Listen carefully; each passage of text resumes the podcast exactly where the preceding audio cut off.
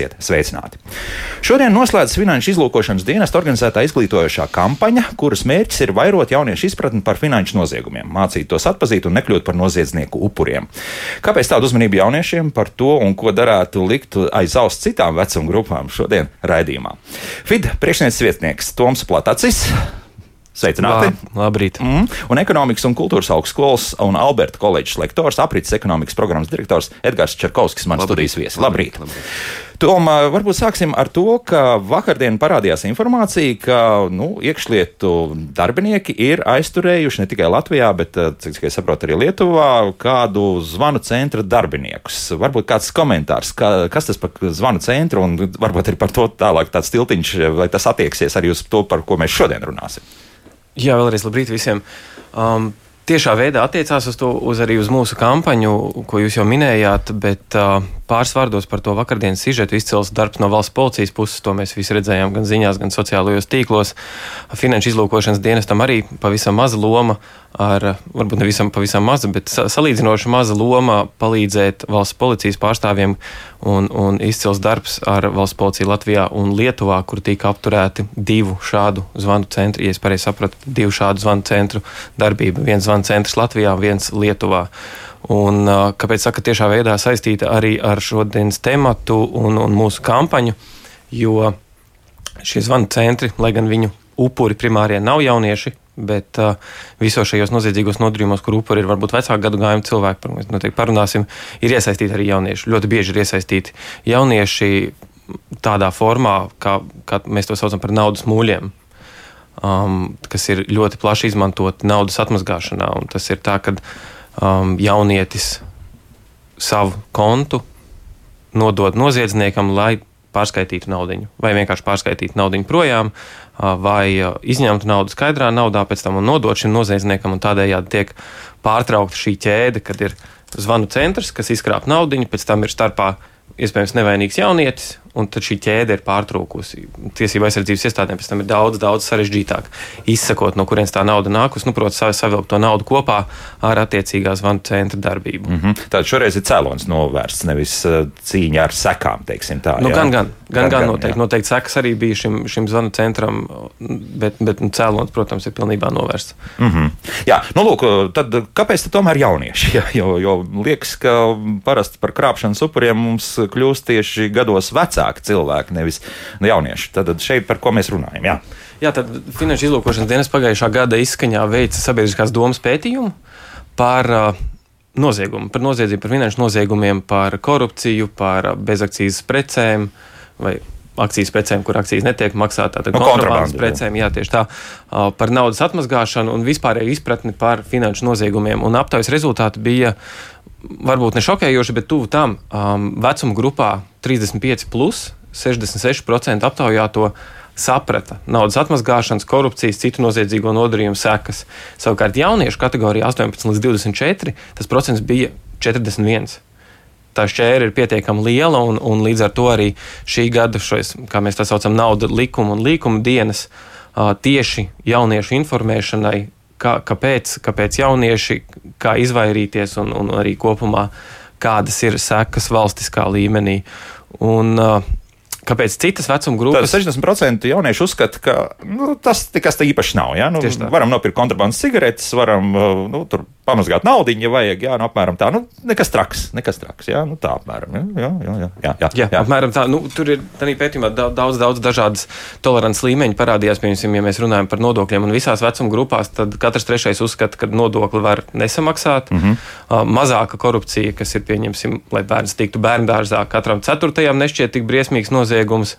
Um, un tā tālāk. Kādam samaksāt par to? Ja? Jā, tā tad nu, bezakcijas, uh, bezakcijas cigaretes vai bezakcijas benzīns arī ir pietiekami tolerēts. Arī šķiet, ka katrs ceturtais to tolerē un uzskata, ka tas ir nu, varbūt nenormāli, bet nav nekas briesmīgs. Mm -hmm. um, bet savēlkot to kopā ar uh, šiem krāpšanām un, un pirmos tos izžet, ko jūs minējāt par valsts policijas darbu, tātad uh, šie krāpšanu zvanu centri pārsvarā ir no NVS valstīm tātad krieviski runājoši ir šie noziedznieki un organizatori, un tāpēc viņi arī, viņu tas mērķis ir krieviski runājošie. Un jaunieši, kā mēs zinām, ļoti salīdzinoši ar vecāku gadagājumu cilvēkiem švakāk pārzina krievu valodu, līdz ar to nav tieši upuris šiem noziedzniekiem. Otrs, protams, fenomens ir, ka jauniešiem nav tik daudz naudas kā šiem vecākiem gadsimtu cilvēkiem, kam jau ir uzkrājumi, pensijas. 7, 8 tūkstoši, ko vienkārši izkrāpt. Jā. Vakar es dzirdēju 40 arī. Jā, ir arī tādas summas, jā. jā un, bet jaunieši iesaistās jau tajā brīdī, kad šī nauda ir izkrāpta no šiem uh,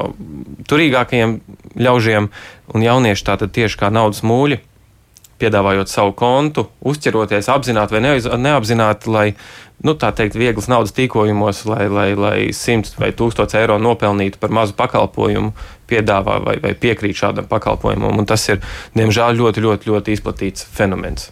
Nu, lūk, eh, tagad eh, paklausīsimies arī kādu maziņu sižetiņu. Pareizāk sakot, es ierakstīju ārstu psihoterapeitu Jāni Vītiņu, kurš izstāstīs, nu, kāpēc tas tā notiek. Un patiesībā, ka te arī vien būs svarīgi nianses, par ko varbūt parunāsim drusciņā vēlāk. Klausāmies, Jāni!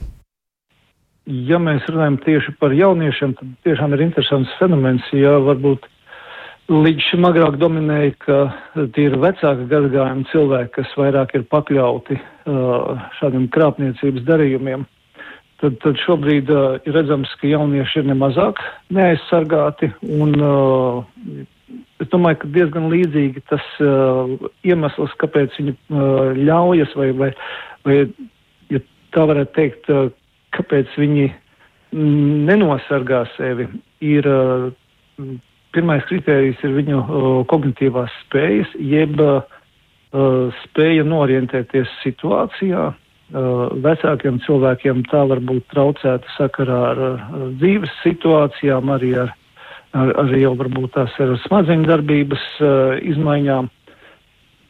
Bet jauniešiem savukārt tas ir tieši dēļ pieredzes trūkuma, un šeit ir būtiski, ka jaunietis jebkurā gadījumā ir vairāk orientēts redzēt ideālo, labo, ja, un nu, tad, tad jāskatās, uh, kādā vidē šis jaunietis ir audis.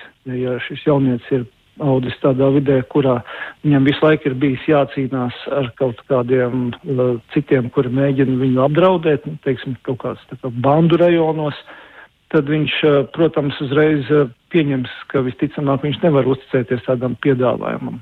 Bet, ja jaunietis ir audis uh, pietiekam labvēlīgā ģimenē, tādā viduslāņa ģimenē, tad, uh, tad viņa pirmā prognoze noteikti būs, ka Te nav nekāda krāpniecība, bet šis ir vienkārši jauns veids, par kuru vecāki varbūt vēl nezina, kā viņam ātri iegūt naudu un ātri iegūt arī tādu kārotu neatkarību no vecākiem.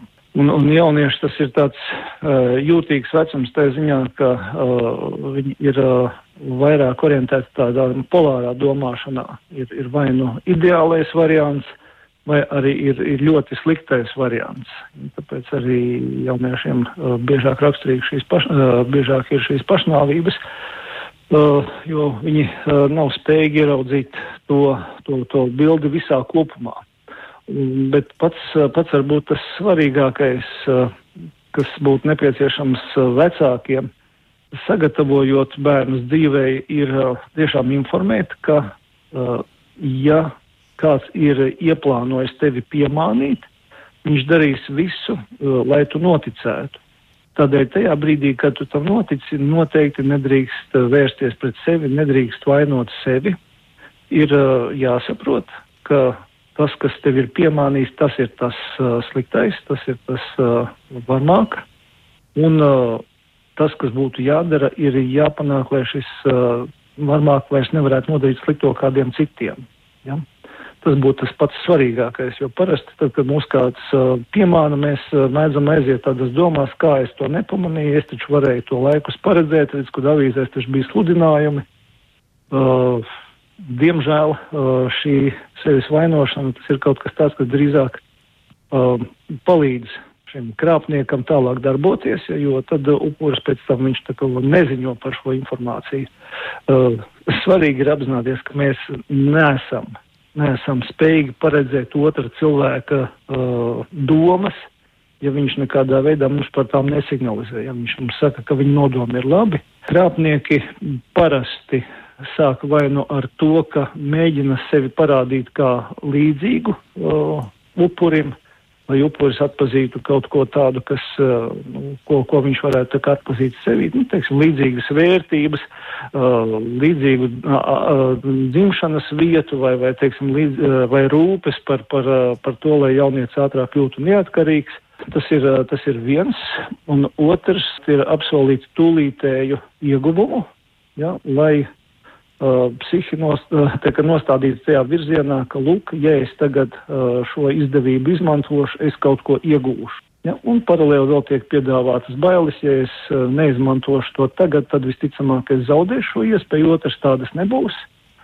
Un tad vēl paralēli tiek izmantots arī tas instruments, ka uh, 75% ir izmantojuši šo pakalpojumu, visiem tas ir beidzies labi. Viņi tagad tur siltajās salās bauda kokteļus pie jūras. Ja.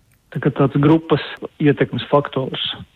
Un, ja tomēr esat iekrituši šo krāpnieku nagos, tad par to neklusēt. Jā, nešaustīt pašiem sevi, bet drīzāk dalīties gadījumā. tālāk sociālajos tīklos un arī ziņot attiecīgām iestādēm par notikušo. Tieši tā. Tieši tas parādīs, ka tu esi labs cilvēks un ka tu neesi upuris, bet esi tā kā spējis mācīties no, no vienas kļūdas. Ir tāds arī tāds sakāmvārds, ja tevi piemāna vienu reizi, tad tev ir jādusmojas uz to, kurš tev ir piemānījis. Ja tev piemāna arī otru reizi, nu, tad tev ir jādusmojas uz sevi. Nu, lūk, tā ārsts psihoterapeits Jānis Vītiņš, un tagad gan es Edgaram jautāšu, nu, varbūt, tad skola te kaut kā var palīdzēt, un skola programmas, jo mēs dzirdējām, principā tieši labie bērni var visvieglāk iekrist. Ja? Tā ir kaut kā statistika arī to apliecina. Tāda pētījuma tāda nav. Nav, jā, pat par to sociālo statusu jā, jauniešiem. Jā. Protams, protams, skola ir viena no galvenajām, un te arī ļoti pareizi arī, arī kolēģis minēja, ka Jaunieši jau ļoti daudz uzturās sociālajos tīklos, un tā skaistā dzīve sociālajos tīklos bieži vien ir samākslota. Un, protams, ka daudzi arī influenceri, ja viedokļu līderi arī mudina jauniešus uz šo vieglo peļņu. Un um, šeit ir tieši skolotāji un skolas galvenais jautājums - izskaidrot, ka tā vieglā nauda nemaz tik viegli nenāk. Jo lielākā problēma ir, ka jaunieši patiešām dzīvo šodienā, viņiem ļoti ātri gribas ātri sasniegt labklājību, sapirkt pietiekami daudz dārgas mantas, ko viņi redz arī sociālajos tīklos, un, protams, kur ir pieprasījums, būs arī piedāvājums, un krāpnieki to ļoti veiksmīgi izmanto. Ja mēs skatāmies uz Latvijas skolas izglītības vidi, tad šeit patiešām ļoti labi vārdi ir sakām par jauno skolu 2030 izglītības standartu kur pilnīgi visās jomās, gan vispārīgajos kursos, padziļinātajos, specializētajos kursos, ir veltīts ļoti daudz laika tieši finanšu pratībai, kur arī ir vesela sadaļa par finanšu krāpniekiem. Jo Mēs nerunājam arī tikai par datu izkrāpšanu, mēs patiešām runājam arī par šo ļoti vieglo peļņu, kur tiek pieminēts arī kriptovalūtas, kas jau pēdējā mm. laikā ir arī kļuvušas par tādu zelta āderi. Un, nu, jau tā nav gluži. Nu, bet, bet, bet vēl aizvien vēl, vēl tas tā jā. turās, un daudz jauniešu īstenībā pat nesaprot, kā strādā teiksim, šī te blockchain sistēma, kādā veidā strādā kriptovalūtas, bet viņi ir dzirdējuši sociālajos tīklos, ka ieguldot burtiski dažus eiro, atpakaļ var saņemt pietiekami lielas naudas vērtības. Tā kā te ir ļoti, ļoti svarīgs jautājums tieši, cik daudz skolotāju šīs tēmas izprot un cik daudz skolotāju spēj to paskaidrot tādā ilgtermiņā. Jo skaidrs, ka stāstīt jaunietim uz brīdi, kad viņš jau ir iekarsis, šajā, šajos naudas meklējumos, tas ir diezgan bezvērtīgi. Arī pēc tam arī studiju gados to visu vajag atkārtot, un šeit patiešām arī ļoti labi ir, ka arī valsts institūcijas un, un teiksim, palīdz arī skolām ir izstrādāt ļoti daudz metodiskie materiāli arī skolotājiem, kā ar to cīnīties un tam līdzīgi. Bet, diemžēl, tie mani novērojumi rāda, ka varbūt jāsaka, ka krāpnieki ir nedaudz, nedaudz veiksmīgāki no, savā runā. Sociālā inženierija tur ir apakšā. Jā. Un viņi ir veiksmīgāki par skolotājiem. Tātad skolotājs, kurš mēģina jaunietim izskaidrot, nu, ka, ka vajag nedaudz padomāt, ka tas tā nav, nevienmēr būs tik iedarbīgs un nevienmēr spēs to jaunieti pārliecināt kā krāpnieks. Mm -hmm. Tāpēc skolotājiem ir jābūt šajā brīdī arī piemēram, un, un šeit ir jāstrādā visai izglītības sistēmai kopumā. Jo, nu, iespējams, ja mēs runājam par tiem pašiem naudas muļiem, jo liekas, jau tas pirmais gājiens, nu, tur kas nu būs, nu, mēs varētu vienīgais piesieties, un um, šādam jaunietim varētu būt nepatikšanas par nodokļu nenomaksāšanu pēc būtības. Vai, ne, vai, vai tur ir krietni smagāks sekas, kā tur ir? Ja drīkst, es vienu soli atpakaļ paturpinātu kolēģi teikto jā. par, un par īsi par mūsu kampaņu. Mūsu kampaņa, šī gada kampaņa, ieejot mūsu mājaslapā, Finanšu izlūkošanas dienas mājaslapā fid.gov.lv, ir sadaļa labajā pusītē naudas likumi, līkumi, un tur nospiežot uz 2022, ir pieci video kas ir paredzēti tieši skolām, tieši jauniešiem, tieši vidu, vidusskolniekiem. Lūgums ir vai pašiem, vai skolotājiem izmantot šos materiālus. Pieci video par dažādām tēmām, par krāpšanām pašiem jauniešiem, par ietekmi, kas ir naudas atmazgāšana un kā palīdzēt varbūt saviem vecākiem vai vecvecākiem mm -hmm. nebūt šiem krāpšanu upuriem. Es tagad drusku piebildīšu, jums drusku žagar pienāks. Tur viens video klips, es noskatījos, kā nesabojāt savu nākotni, finanšu noziegumu ietekmi uz karjeru un privāto dzīvi. Oi, šito jāņem ir ārā tur ir pārāk daudz likuma pārkāpumu salikt iekšā. Ta, tas uzņēmējs, tur ir stāsts par to, ka uzņēmējs it kā uzklausa potenciālo darba ņēmēju, viņam ir darba intervija, viņš tā ļoti nevērīgi tur uzvedas un tad pasaka apmēram tādu frāzi: Es tev tāpat neņemšu, es esmu pārbaudījis tavu pagātni, tu esi tiesāts. Un, un tad jā, uz jautājumu, kāpēc tu vispār tu mani sauc, nu, man gribas pat tev paņirgāties bez mazliet. Nu, tad es drusku vienkārši. Tur ir milzīgi daudz likuma pārkāpumu šajā video klipā no tās puses. Tā kā jūs esat šoreiz pār, pāršauši strīpai pār, bet tā kā tur vajag ielikt kad nāca cilvēks pieteicās zemesardzē, policijā un tā tālāk, tas strādā. Jā, jā es, es varu pateikt, ka tas strādā. Jā, man, man ir bijusi arī līdzīga situācija, kad es, es, kad es strādāju iepriekš ārzemēs, ir prasīta šī nesodā, nesodāmība. Jā, bet tur, tur sanāk tā, ka viņš ir kaut kādā veidā ticis klāt pie personas datiem un to pārbaudījis. Jā, kaut gan principā privāta firmas to nemaz tā nevar darīt. Nu, tur ir tāds lietas. Labi, ne par to stāst, bet video klipi tur ir. Jā, nu, jā. jā, bet atgriežoties par to, kādas ir sekas, arī tieši viens video ir par šīm sekām un tādam naudas mūlim, kas vienkārši ir savu kontu nodevis, tur nodokļu sekas droši vien būs tas mazākais Par, par tieši tādu noziedzīgu nodarījumu ir atsevišķi krimināla likuma pants par uh, maksāšanas līdzekļu nodošanu trešajām personām, mm um, par nepatiesu informācijas sniegšanu tai pašai, pieņemsim, bankai, kad melot, melot par to, kurš, kurš ir to naudu skaitījis un kādās interesēs.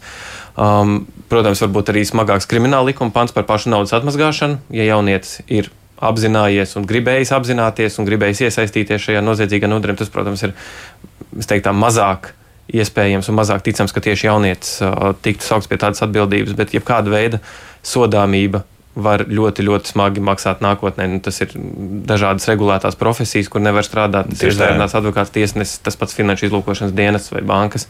Tā kā, un, un, un pats jau reputācija, un, protams, kaut vai, kaut vai ja iznākums ir pozitīvs un nav krimināla atbildība, iziet cauri tiesas procesam, tas tāpat tās nav ne jaunietim ne ģimenei patīkami. Nē, vajadzīgs. Ja. Sapratu, par ģimeni mums arī mājaslapā jautā klausītāji, vai tomēr tās nav sekas tam, kas ģimenei notiek. Piemēram, arī to, ko vecāki runā savā starpā par nodokļu nemaksāšanu, vēl kaut ko tam līdzīgu.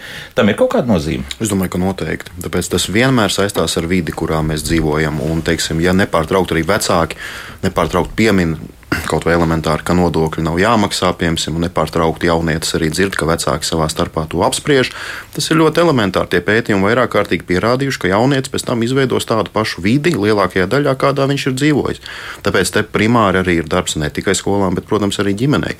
Un, ja jaunietis nāk no nelabvēlīgām ģimenēm, un ja viņš jau arī ir uzaudzis, teiksim, arī nelabvēlīgā vidē, nelabvēlīgos rajonos, kur tā ir, nu, teiksim, ikdienišķa lieta, ļoti liela varbūtība, ka pēc tam viņš teiksim, iekļausies šajā arī finanšu krāpniecībā. Jā, jo redz, jomā, to, ko arī teica Jānis Vītiņš, nu, ka nevienmēr obligāti. Jā. Nevienmēr, nevienmēr, bet tomēr ir, ir, ir teiksim, pierādījumi tam, ka lielākajā daļā tomēr, jo viņš ir redzējis to dzīvi, viņš it kā izprot, kāds ir atkal pamācījis, ir dzirdēts, ka kāds varbūt no vecāka gada gājuma Eh, bērnības draugiem kaut kur ārzemēs veiksmīgi arī veido šīs finanšu krāpniecības schēmas, un cilvēki jau ļoti ātri ievelkas. Un jaunietis, tīpaši, ja, viņš, ja viņam vēl ir teiksim, problēmas eh, skolās, un teiksim, atkal tāpat viņam ir problēmas draugu lokā, viss, tas jau ir ļoti ātri un teiksim, viegli izskaidrojams. Viņš tajā vidē ļoti ātri nonāks. Mm -hmm. Jo tie palaidēji mehānismi dažreiz ļoti, ļoti primitīvi un jā. primitīvi. Ja? Nu, pieņemsim, Rīgā Pirmdienu vēl redzēju, vakardien pazuda. Pat brīnījos, iespējams, tāpēc, ka laiks slikts, bet eh, braukā divas ļoti dārgas sporta mašīnas visu laiku pa centru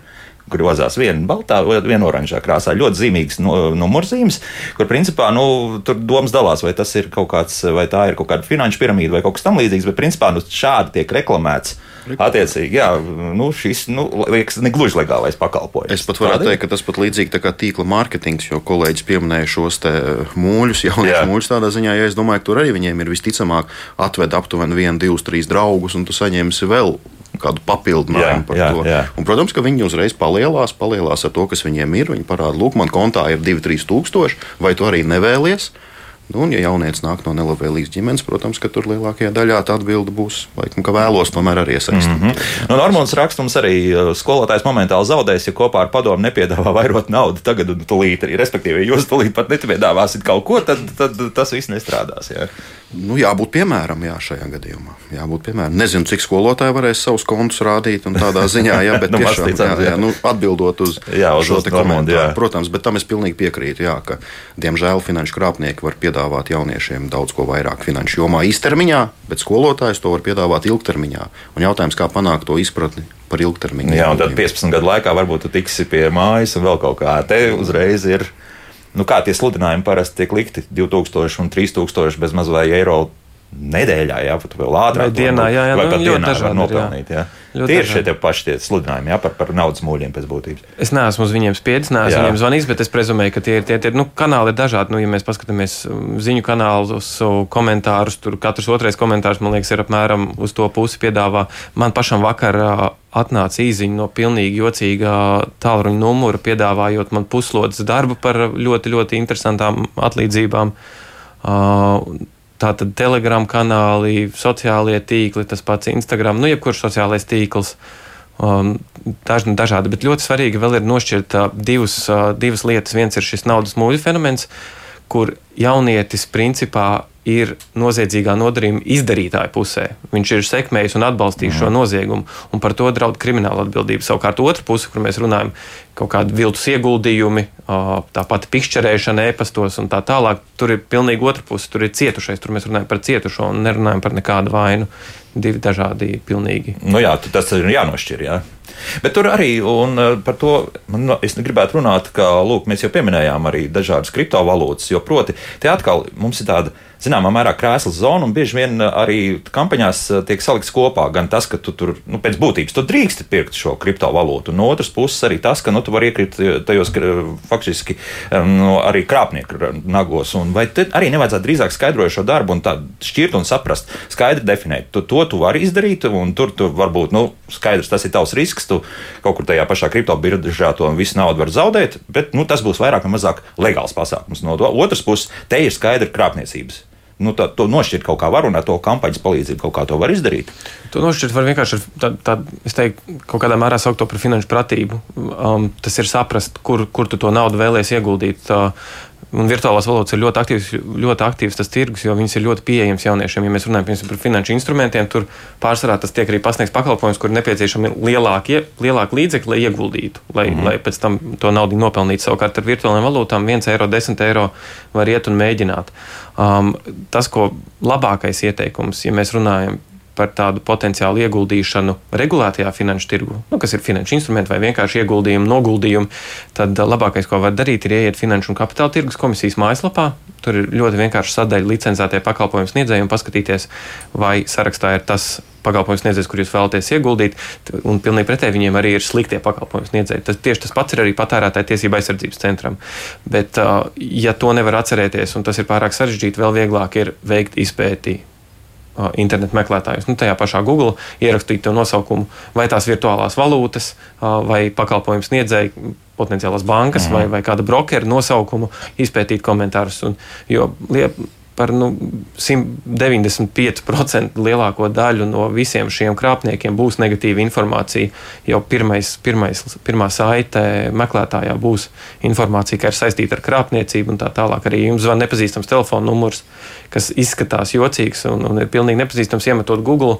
Uh, pirmais, ja tas būs krāpniecības numurs, pirmais jums parādīsies, ka tas ir krāpniecības numurs. Tā kā pirms jebkura ieguldījuma finanšu pratīgi vienkārši paskatāmies, kas tas ir, saprotam, kas tas ir, kur mēs ieguldām. Kā jūs teicāt, virtuālās valūtas ir ļoti daudz un dažādas, mm -hmm. un, un vajag saprast, nevar paļauties, ka visi ir labi un visi grib, lai Tur galīgi viss nav labi, jā, bet, Jā, protams. bet, ne, protams, nav arī slikti. Un, un, un ja veids to izpēti un, un, un plus mīnus saprot, ko dara, vai arī vienkārši cer, nu, kā kurš, vai, vai kāds grib ieguldīt, vai kāds grib to izmantot kā, teiksim, azartspēles, varbūt uz to pusi, spekulācijas. Tas mm -hmm. ir katra paša izvēle, bet pirms tam galvenais ir veikt izpēti. Izpēti, jā, ko, ko vēl var te var Es domāju, es pilnīgi piekrītu, un vakar mēs burtiski arī ar, ar jauniešiem bijām Latvijas bankā, teiksim, virtuālajā tūrē, šajā naudas pasaulē. Un, protams, ka beigās bija jautājumi, kā tad investēt, lai vairāk nopelnītu. Un tā atbilde arī no Latvijas bankas speciālistiem bija ļoti skaista, un tajā pašā brīdī uz to visu viņu koncepciju par to sprīdīt, ka vieglas naudas nav. Tā atbilde bija tāda, ka atcerieties, jūs nevarat ieguldīt tā, lai jūs, teiksim, burtiski no maziem līdzekļiem momentāli un pat arī ilgtermiņā uztaisīt milzumu lielu kapitālu. Tas vienkārši nav iespējams, un tas ir jāsaprot. Un, ja jums piedāvā vieglu naudu ar milzumu lieliem procentiem, tā tālāk, pilnīgi piekrīt. 99% tā vienmēr būs krāpniecība. Mm. -hmm. Nav tādu vieglu risinājumu mūsdienās, un izskatās, ka tuvākajā laikā arī nebūs. Nevajadzētu tam uzticēt. Kaut gan, kaut gan es nu pat atcerējos, ka diemžēl ir tā, ka runājot atkal par dažādām finanšu piramīdām, ka vienu un tie paši cilvēki, burtiski gadu desmitus, iekrīt uz vienu un tā pašām lietām. Ja? Kā- Un, un, un, un, un, nu, tas grābeklis ir nepārtraukti. Un vienalga viņi turpina, un piektā, sestā reize un septītā reize mēģina Tāpēc, atspēlēties. jāatzīst, ka pirmie vienmēr vinnēs. Tā ir tā problēma. Tas visām gan, finanšu schēmām ir Jā. kas vinnē, bet lielākajā daļā tomēr viss Tā zaudē. ir, tā ir ļoti jā, maza, maza šī cilvēka daļa, kas, kas piedalās visos šajos pasākumos. Mūzika pēc mūzikas turpināsim, sazināsimies arī mēs arī ar banku speciālistiem, kas viņiem ir sakām šajā lomā, nu, jomā. Tad to arī noskaidrosim pēc pāris minūtēm. Kā labāk dzīvot? Mēs šodien vairāk pieturamies pie tā, ka nu, šodien noslēdzas Finanšu izlūkošanas dienesta organizētā izglītojošā kampaņa, kuras mērķis ir vairot jauniešu izpratni par finanšu noziegumiem un kā arī tos uh, atpazīt. Bet uh, jāsaprot, ir tas, ka ļoti daudzas lietas tur dublējas un arī citas paudzes faktiski jau arī iekrīt uz tādām pašām lietām. Un, un noteikti arī ir kāds naudas mūlis, kuram ir vairāk par 40 gadiem. Ja? Nu, tā ir ka tā ir. Jā. Nu, šobrīd esam sazinājušies arī ar Finanšu nozares asociācijas pārstāvi Reini Jansonu. Reini, labdien! Dien. Rēni, nu, arī no banku puses skatoties uz šo pašu problēmu, nu, liekas, ka bankas varētu būt tās, kuras te vienkārši piegriež krānu un nekas vispār no šādām finanšu krāpniecības schēmām nesanāk. Laikam tik vienkārši tas viss nav. Ja? Nu, klasiski bankas uh, spēja identificēt uh, tajā brīdī, nu, kas ir vispār šajās, uh, piemēram, arī naudas mūža schēmās, kad ir tas upuris, kurš attiecīgi saka, ka viņš ir upuris. Un tad, kad upuris paziņo, ka viņš ir apkrāpts tajā brīdī, tad diezgan vienkārši savā ziņā ir izsekot, kur tā nauda ir aizgājusi no upura konta, un tas naudas mūls tiek identificēts. Bet, protams, ka tā naudas mūļa ķēde ir pietiekami sarežģīta un, un, un mēdz darboties dažādās valstīs, ja, tad, tad, tad, protams, ir nedaudz grūtāk. Bet, jā, tik līdz upuris paziņo, ka viņš ir apkrāpts tādā diezgan raitā solī, tad tiek arī identificēts, kurš tas naudas mūls un, un attiecīgi ar to tiek strādāts.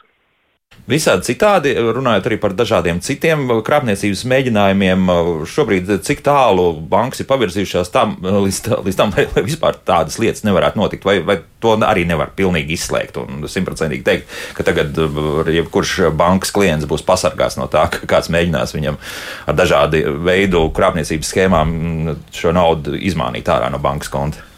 Nu, man liekas, ka var salīdzināt to ar kādreiz to analogo pat, eh, teik, naudas pazaudēšanas veidu, kā, kā mēs gājām pa ielu un mūs, eh, teiksim, krāpnieki uzlūkoja no stūriem un mēģināja atņemt maku vai kā savādāk kā izvilkt naudu. Jā, nu, līdzīgi ir arī ar digitālo pasauli, ka principā pasargāt sevi tu vari pats, jo, jo visvairāk. Jo pamatā jau arī tagad skatoties, kur visvairāk krāpnieki iegūst eh, šos naudas līdzekļus, ir nevis tā vienkārši kaut kā fiziski tev nozogot, bet uh, izkrāpjot. Tas nozīmē, ka tu pats uh, esi bijis tas, kurš uh, vai nu šo naudu ir uh, neuzmanības dēļ pazaudējis, piemēram, nu, izmantojis uh, kaut kādas nepareizas internetlapas, jā, kas ir nu, krāpnieku būvētas, vai vienkārši atsaucies uz investīciju viltus piedāvājumiem un tam līdzīgi. Protams, ka līdz ar to pirmā, pirmā aizsardzības līnija ir katrs cilvēks pats, uh, tiešām neiekrist. Bet otrs, protams, ka jā, jāvērtē arī to, ka krāpnieki nu, visu laiku attīstās, attīsta tehnoloģijas, domā, kā padarīt uh, to krāpniecisko vidi tādu nu, cilvēkiem šķietami drošāku. Nu, tas tāds nemē, nebeidzams ceļš. Un, uh, tur vienmēr tie krāpnieki ir soli priekšā jums, vai, vai tomēr nu, spējat uh, ar viņiem tikt uh, nu, puslīdz galā? Nu, tā nevar, kā kurā jomā, protams, kad atceramies, varbūt bija kādreiz tie bankomātu krāpnieki, kad bija kartes, eh, kuras tika lasītas, jau uz bankomātiem tika likt speciāls ierīces. Eh, Nu, protams, tajā brīdī, kad tās parādās, tas ir kaut kas jauns. Un, protams, kad, ko mēs redzam, ir cita veida kartes, jā, kur šīs magnētiskās lentes eh, vai nu vairs nav vispār, vai nu, teiksim, bankomāti padarīti tādi, kuriem to nevar. Jā, līdz ar to, protams, ka gadās kaut kādas jomas, kurās krāpnieks kaut ko izdomā tādu, bet, nu, kļūst ar vien grūtāk, jā, protams, ka tā finanšu pasaule kļūst uh, sarežģītāka un arī krāpniekiem grūtāk. Uh -huh. Saki, vai, vai ir arī kaut kāda, varbūt tāda laba ieteikuma šobrīd, tieši šobrīd, šī brīža situācijā, kā rīkoties nu, jebkuram Latvijas iedzīvotājam, lai nekļūtu par krāpniecības upuri? Jā, nu tāds, protams, komplicēts uh, jautājums. Ja mēs skatāmies, kas ir tie uh, populārākie krāpšanas veidi šobrīd, nu, teiksim, tas aktīvākais ir jau nu, nu, šobrīd ir telefona krāpnieki, jā, kur mēs redzam arī aptaujās, ka cilvēki paši norāda, ka tas ir visbiežākais, ar ko viņi sastopās, tieši telefona krāpnieki. Nu, tā tad nu, pirmais ieteikums noteikti, ja tev kāds zvana un kaut ko piedāvā, uh, ļoti izdevīga un vilinoša, tad nu, ļoti, ļoti kritiski izvērtēt, vai tas nu, ir īsts, pie kam varbūt uzreiz nepiekrist nekam, palūgt kontaktus, lai tu vari pats izpētīt, kas tas ir. Tā, jā. Tas visticamākais tur būs uh, kontakti, tur būs adrese, tur tev būs iespēja pašam kaut ko papētīt. Krāpniekiem parasti tā nebūs, ja mēs zinām, ka tie krāpnieki nereti pat nerunā latviski. Uh, Jā, tad skaidrs, ka viņi tādus kontaktus nedos. Tā būtu viena lieta. Un otra lieta, protams, naudas mūļu sakarā, piemēram, ceļš jauniešiem, arī nu, te tiešām kritiski izvērtēt, vai, nu, kā teikt, ir brīvas pusd ir pusdienas bez maksas, jā, no angļu valodas tulkojot, nu, ka nav vieglas naudas, jā, tas ir tas, ko, ko naudas mūļi arī uh, visvairāk, kāpēc kļūst par naudas mūļiem, jo, nu, tiek piesolīta viegla, ātra nauda, bez iedziļināšanās, bez zināšanām, jā, vienmēr šādu veidu piedāvājumu jāuztver ļoti kritiski. Uh, kurš tad par to un kāpēc man maksā? Nu, kāpēc? Vai ne kādam par to, ko es daru, vai es neko nedaru, kāpēc mm. kādam maksā? Kādam maksā. Bet reko, nu pat uh, mums radioklausītājs Jānis ir atsūtījis, kāda viņa mīziņa ir atnākusi no attiecīgi e-pasta. Pagarš uh, beigās ir punkts rū, tad it kā no Krievijas varētu būt nācis e-pasts. Sveiki, jūs esat izvēlēts darbam uz nepilnu pilnu slodzi. Dienas alga 50 līdz 200 eiro. Lai atrastu darbu, lūdzu pievienojiet WhatsApp grupai, tur attiecīgi tas telefona numurs. Nu, šis ir klasika, jā, visdrīzāk. Klasika, jā. Nedēļa atpakaļ mēs vienā kompānijā sēdējām un mēs kaut kā trīs cilvēki gan izvienlaicīgi saņēmām šādu veidu īziņu, tā kā tā bija ļoti populāra. Un, protams, nu, te jautājums, nu, ja tu neesi pieteicies darbam vai tu neesi nopircis loterijas biļeti, nu, kā tu vari uh, iegūt darbu vai uzvarēt loterijā, vai ne? Un tas vienmēr arī, nu, jāsaprot skaidrs, ka tas ir krāpniecisks mēģinājums uh, tev, lai tu piekrīti, un visticamākais šis izklausās pēc uh, naudas mūļu uh, vervēšanas gadījuma. Nevis kaut kādas pikčerēšanas, pieņemsim, ievadot šo telefonu numuru, tālāk uh, telefons tiek inficēts vai kā citādi. Ja? Drīzāk tā. Nu, jā, grūtāk jau pateikt. Protams, ka klasiski šis izskatās pēc uh, naudas mūļa, bet, protams, ka varbūt arī tālāk jautājums, ja tevi sazināsies jau, kad cilvēks ir uzķēries uz šīs ziņas un, un atsaucies, tad, protams, ka beig beigās var jau būt, ka tas ir arī tiešām datu izvilināšanas mēģinājums un, un tam līdzīgi, bet uh, nu, jā, to grūti šobrīd nokomentēt precīzi. Nu, skaidrs, jā. Reini, paldies, Reinis Jansons no Finanšu nozares asociācijas uh, bija šeit mums uh, attālināts studijā. Reini, lai veids šodien darbos, paldies par sarunu. Paldies, par. Mm -hmm. Un uh, turpinām. Nu, lūk, bet uh, saistībā arī to, par to mums radioklausītāji raksta dažādos veidos uh, saistībā ar karu Ukrainā. Liekas, ka situācijas tieši ar naudas mūļiem varētu kļūt uh, vēl nopietnāk tādā ziņā, ka tas um, vilinājums un piedāvājums varētu būt lielāks. Jo zinot to, kas notiek un cik Krievija tagad šobrīd ir bloķēta no dažādu no ārvalstu valūtas, teiksim, uh, iespējām nokļūt šajā valstī, ka šeit varētu tieši šeit pierobežot, varētu būt diezgan liels tas tāds nu, uzplaiksnījums un piedāvājums varētu būt. Ļoti, ļoti interesanta doma, bet uh, šķiet, nedaudz tā situācija ir sarežģītāka. Jo pirmkārt, um, tā statistika uh, ir krītoši samazināta statistika, jā, jo daži no šiem, vai vairāk vai mazāk, bet šie, kā jau minēju, zvanu centri ir NVS valstīs. Aha. Tā skaitā Ukrainā. Un kara dēļ mēs redzam, ka tā statistika krāpšanās ir samazinājusies. Jā. Um, kas laikam nu, ir tāds nedaudz pozitīvais iznākums visai traģiskajai situācijai. Savukārt, uh, naudas atmaskāšana. Sav, bet savukārt to, ko jūs minējāt, kad cilvēku savērvēšana, mēs redzam, ka ir ļoti, ļoti, ļoti liels pieplūdums ar bēgļiem Eiropā. Un tur, tur gan varētu tieši šie bēgļi, kas ir ievainojamākā situācijā, varētu tikt uzrunāti ne tikai naudas mūlis varbūt pat nebūtu tas briesmīgākais, bet tur jau mēs runājam par cilvēku tirzniecības draudiem, kas ir jau daudz, daudz smagāk noziegumi. Mm -hmm. Jā, nu tas ir atkal cits stāsts. Jā. Tā, kas mums mājaslapā šeit ir rakstīts? Kur šeit slēpjas krāpšana? Divi sludinājumi no Telegram. Tātad, jā. Man, man, mums vajag cilvēks reģistrēt vietnē, samaksa 45 eiro, un tālāk The Stranger vajadzīgi cilvēki ar reģistrāciju iCard, tātad abreviatūra ICARD. Kas tas varētu būt? Tas arī varētu būt. Tas varētu būt gan, gan jo arī īstenībā ļoti tipiski iezīme šiem gan pišķerēšanas, gan uzrunāšanas, gan naudas muļiem, gan e-pastiem, gan, gan, gan ziņām ir tas, ka ir ļoti, ļoti slikta valoda. Mm -hmm. Komati neeksistē, e-pasti, kā jūs minējāt, iepriekšējā piemērā ir ļoti, ļoti dīvaini, sarežģīti, nesaprotami, tādus kā neviens negribētu sev e-pastus. Uh, un, un šeit es pat nesaprotu, ko viņš uh, vēlas uzrunāt, bet es pieņemu, ka tur ir cilvēks ar personu apliecinošu dokumentu. Nu, tas ir kaut kas tāds. Vien, jā. jā, un tas arī varētu būt, kā jau Jansons teica iepriekšējā piemērā, tieši mūļu vervēšana. Mm -hmm. nu, kaut kas tāds. Jā, mm -hmm. jo, jo precīzi mēs nepaskaidrosim, kas tur ir tālāk, bet, bet riskēt un tagad iesaistīties šādā lietā.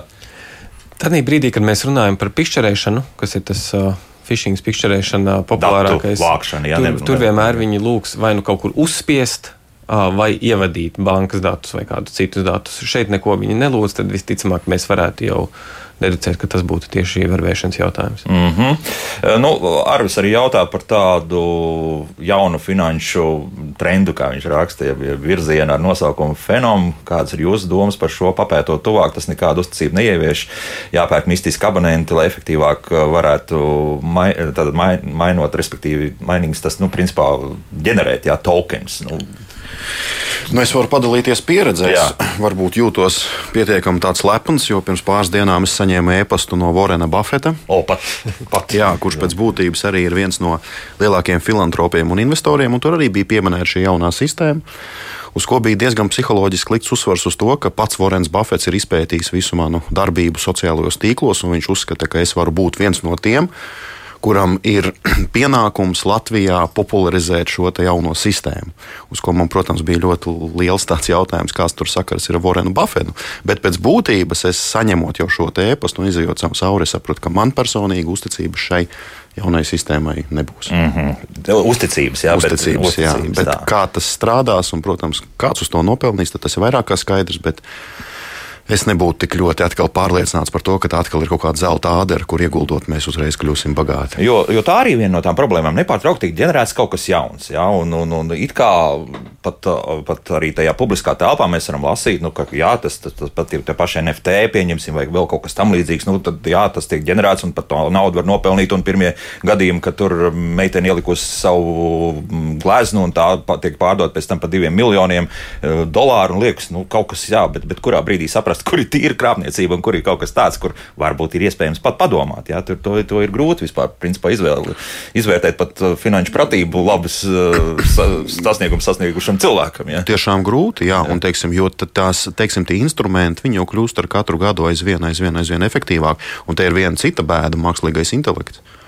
Tagad jau tuvākajos gados jau, jau ir pirmās arī pazīmes, ka mākslīgais intelekts jau sāk nodarboties teiksim, ar šo schēmu ģenerēšanu un informācijas sūtīšanu. Tur tā bēda būs vēl lielāka.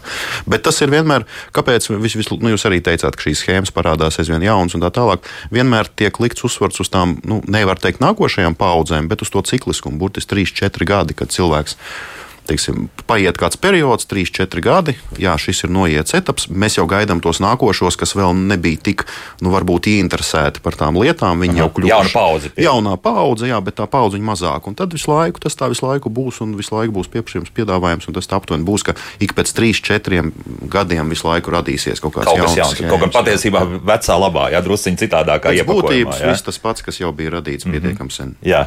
Jā, nu, noteikti var piekrist. Tas atslēgvārds cikliskums, Jansons jau ļoti labi piemēra teica par tiem bankomātiem. Tagad jaunieši nu, ļoti skaidru naudu, ļoti maz, vismaz Latvijā, kas nav skaidrs naudas intensīvā ekonomika, ļoti maz izmanto. Līdz ar to ir daudz mazāk iespēja noķert kādu uz tādu muļķīgu. Jā, kā kartu liks iekšā, jā, nolasīs, jā. Bet, uh, viņam tiem pašiem naudas muļiem runājot, naudas muļi tas nav jauns fenomens. Ja mēs runājam 5, 7 gadus atpakaļ, tas bija ļoti, ļoti, ļoti izplatīts fenomens un ļoti daudz notiesājuši spriedumu bija, bet tur naudas muļi bija pilnīgi citādāk. Viņi veda skaidrs naudu naudu, skaidru naudu pāri robežai.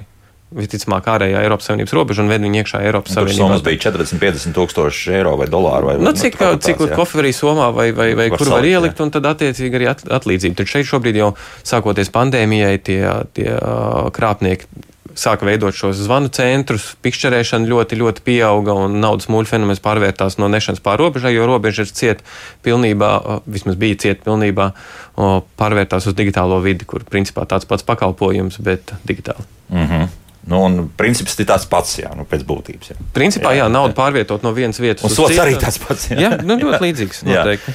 Tā, nu, ko mums vēl raksta? Nu, Jānis mums pievērš uzmanību tam, ka redz, ar to jauniešu nodarbinātību ir kā ir. Jā, un, un mēs zinām arī, ka Eiropā nu, tas jauniešu bezdarbs ir krietni lielāks nekā citās vecuma grupās. Un, un, un varbūt ka šeit arī slēpjas tā mm, ļoti tā vieglā. Padošanās no šiem vilinājumam, jā, doties nu, neceļos pēc būtības. Brīvais laiks ir visu nelaimi Cēlonis. Jo vairāk ir brīvā laika, jo vairāk būs vēlme nodarboties ar tām lietām, ar kurām nevajadzētu nodarboties. Pilnīgi piekrīt, jo jaunieši vairāk strādātu, izglītotos un mācītos, iespējams, būtu mazāk arī vēlmes mm. -hmm. skatīties kaut kur ne, neceļos. Uh, Aldis mums raksta, man gan patīk parunāties ar šiem krāpniekiem, investoriem. Diezgan daudz laika viņiem esmu atņēmis pēc tam, kad viņi paliek dosmīgi paši atslēdzas. Ja. Ir vērts runāt ar, ar, ar šādu, kāds piezvan vai nē. Nu, Es, protams, teiktu, labāk nerunāt, tāpat kā labāk nemēģināt uz tādu īziņu atbildēt. uh, Uz īsiņu skaidrs, jā, bet Pozitīvs parunāt, iznākums nu. tam nebūs, bet uh, nu, aizliegt, protams, to nevienam nevar. Labākais, ko viņiem nozagt, ir laiks. Mēs jau runājām uh, ar kolēģiem, kad, kad viņi paliek ļoti, ļoti dusmīgi, ja tā saruna ievelkās. Um, Bet nu, tu, jūs arī pazaudējat savu laiku, un plus vēl riskējat. Kā, nu, mans ieteikums būtu to nedarīt. Tomēr, ka risks pastāv, ka, ka var ievilkt vienalga, ka tu, tu esi pilnīgi pārliecināts, ka šeit tev zvana krāpnieks un ka tu tikai spēlējies ar viņu. Nu, kādu kļūdu var pieļaut? Jā, es piekrītu. Teiksim, ja, nav, teiksim, ja cilvēks nav tik ļoti izglītots šajā jautājumā, protams, būtu labāk ātri vien nolikt. Bet nu, es teiksim, esmu izveidojis pat veselu tādu mācību materiālu, kas ir uz, uz, uz pusstundu, kur mēs ar šo finanšu krāpnieku runājam. Beigās man patiešām bija tur puse jāizgriež ārā. Jo, Šis cilvēks bija ļoti neapmierināts, ka es no viņa darba atņēmu aptuveni pusstundu. Jā. Jā. Tur jābūt patiešām uzmanīgiem, jo viņiem tās, tās schēmas ir atstrādātas un teiksim, jābūt ļoti pārliecinātam, ka jūs zinat, ko jūs darat. jo Tas ir ļoti līdzīgi kā savulaik. Nu, varbūt tāds ļoti primitīvs piemērs ar čigāniem. Jā, kāpēc mums teica, savulaik ar viņiem nerunāt centrālajā stācijā, tāpēc, lai, lai cik tu būtu psiholoģiski avansēts, kaut kādā brīdī tev var apvārtot. Nu, šeit var gadīties, ka jūs arī kaut kādu veidu kļūdas pieļausiet, jums atsūtīs kādu linku, nejauši uzspiedīsiet vai tajā panikā vai, vai stresā, kaut ko filmējot, vai arī gribētu to, to parādīt draugiem. Tomēr kaut kādas kļūdas pieļaut var. Tāpēc pilnīgi piekrītu kolēģim, pats labākais ir vienkārši nolikt un, un vēl labāk to numuru ielikt melnajā sarakstā, lai jums vairs neatzvan. Nu, tā, jā, tad nobloķējam, jā. Jā, Punkts un tā. āmeni vairāk, lai tas nenotiktu.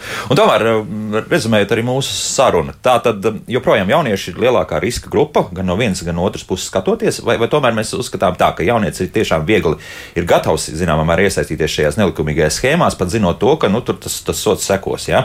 Un, un eh, savukārt tās vecākās grupas, teiksim, vecuma grupas, nu, ir pakļautas tieši tai krāpniecības schēmai. Tā, tā mēs paliekam pie tā. Jā, tieši tā, un tāpēc arī lūgums jauniešiem runāt ar saviem vecākiem, vecākiem, savukārt vecākiem un vecākiem runāt ar saviem jauniešiem, lai izvairītos gan no naudas mūļu situācijām, gan arī no krāpšanas.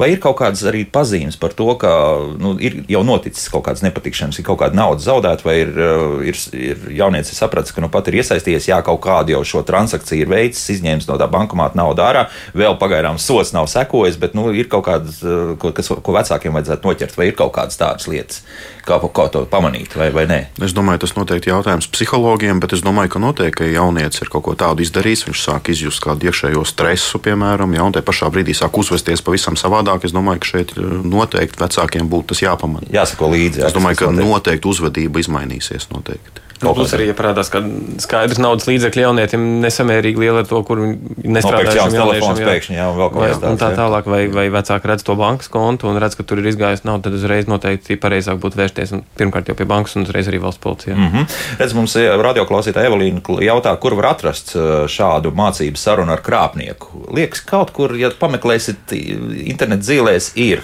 ir. Krievu valodā esmu dzirdējis, Pilns ir, publicēts. jā. Tas laikam bija jautājums par to manis pieminēto. Nu, Evelīna man atsūtīs eh, ēpastu un pieprasījumu, es viņai pārsūtīšu. Jā, nu, ir. Es ceru, ka tas ir Jā, īstais. Jā, jā, Evelīns. Nu, nu, labi, paklausīsimies vēl kādu klausītāju, un, ar- un tad jau mums ir jābeidz. Jā, hallo, lūdzu! Halo! Labdien! Labdien. Jūs minējāt, ja pamanīt kādu krāpšanu, tad ir jāraksta iesniegums un jāvērš valsts policijā. Gribu teikt, ka tam nav nekādas jēgas, jo pirms pieciem gadiem bija ļoti vienkārši krāpšanas schēmas, kad iegādājos preci diezgan dārgu internetā, internetu veikalā, ko izdarīja arī daudz citi cilvēki, kā es zinu. Tāpa iesniegums valsts policijai, bankas darījums bija pilnīgi legāls, no viena konta uz otru kontu Svetbankā. Šobrīd šī krimināla lieta nekur nav virzījusies, cilvēku milzīga grupa ir apkrāpta, neko atrast nevar, lai gan klausulē viss notika latviešu valodā, un viss ir pazudis līdz ar galiem, un policija neko nevar ierosināt, tā kā esiet ļoti uzmanīgi ar internetu veikalu izvēli, jo ja jūs kļūdīsieties un kādam samaksāsiet un nesaņemsiet preci, atbalsts no valsts policijas būs nulle un no mūsu tiesību sargājušām iestādēm. Arī, jā. tāpat. Labi, paldies, jā. Nu, viens komentārs noteikti. prasās, Komentārs jā. nu, noteikti negribētos tik pesimistisks pret valsts policiju. Viņi dara izcilu darbu. Mēs to redzējām arī vakardienas sižetā, Nu jā, jau daudz pieminētajā. Bet uh, tas ir. Tas ir Tas mm, komentārs parāda ļoti divas lietas, ļoti spilgti. Pirmkārt, kad vajag nekavējoties, arī ja tu esi naudas mūlis, kļūst par naudas mūli, vai tu esi apkrāts, nekavējoties vērsties pie valsts policijas un pie bankas, kas vēl var nobloķēt to maksājumu, lai maksimāli ātri tiktu un izsekot šos noziedzniekus, tik līdz noziedzniekiem un izsekot viņus. Savukārt ir otrs, kāpēc nebūt par naudas mūli, jo šāda internetu veikala vai cita krāpšana trīs naudas mūļu rinda dažādās pasaules valstīs, un tā nauda ir principā neatrodama. Viņu var aizskaitīt ļoti, ļoti ātri un ļoti, ļoti tālu. Un tā izsakošana var būt nereāla. Līdz ar to es nevaru, protams, komentēt konkrētu kriminālu procesu, bet tā var gadīties. Uh -huh. Bet var arī gadīties, ka, protams, to naudu noķer, jo paši jūs ātrāk sapratīsiet, jo ātrāk vērsieties, jo lielāka iespēja, ka varēs to naudu atgūt un, un tos noziedzniekus saukt pie atbildības. Nu, Savukārt, runājot par internetu veikalu izvēli.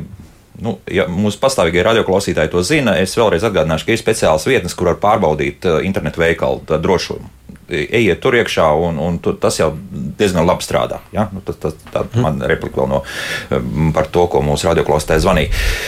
FID priekšnieks vietnieks Toms Platacis un ekonomikas un kultūras augstskolas Alberta koledžas lektors, aprits ekonomikas programmas direktors Edgars Čerkovskis bija kopā ar mums. Paldies, kungi, par sarunu. Esam uzmanīgi un pieskatām arī jaunieši. Galu galā kāds uh, labs vārds un padoms par ļaunu nenāks, lai mm, tiešām jaunieši nenokļūtu.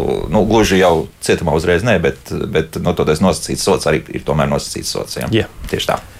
Līdz uh, rītam, rīt uh, šeit Kristiāna par um, dabai draudzīgiem paradumiem, bet mēs savukārt par dārza darbiem uh, piekdienu raidījumā. Atā!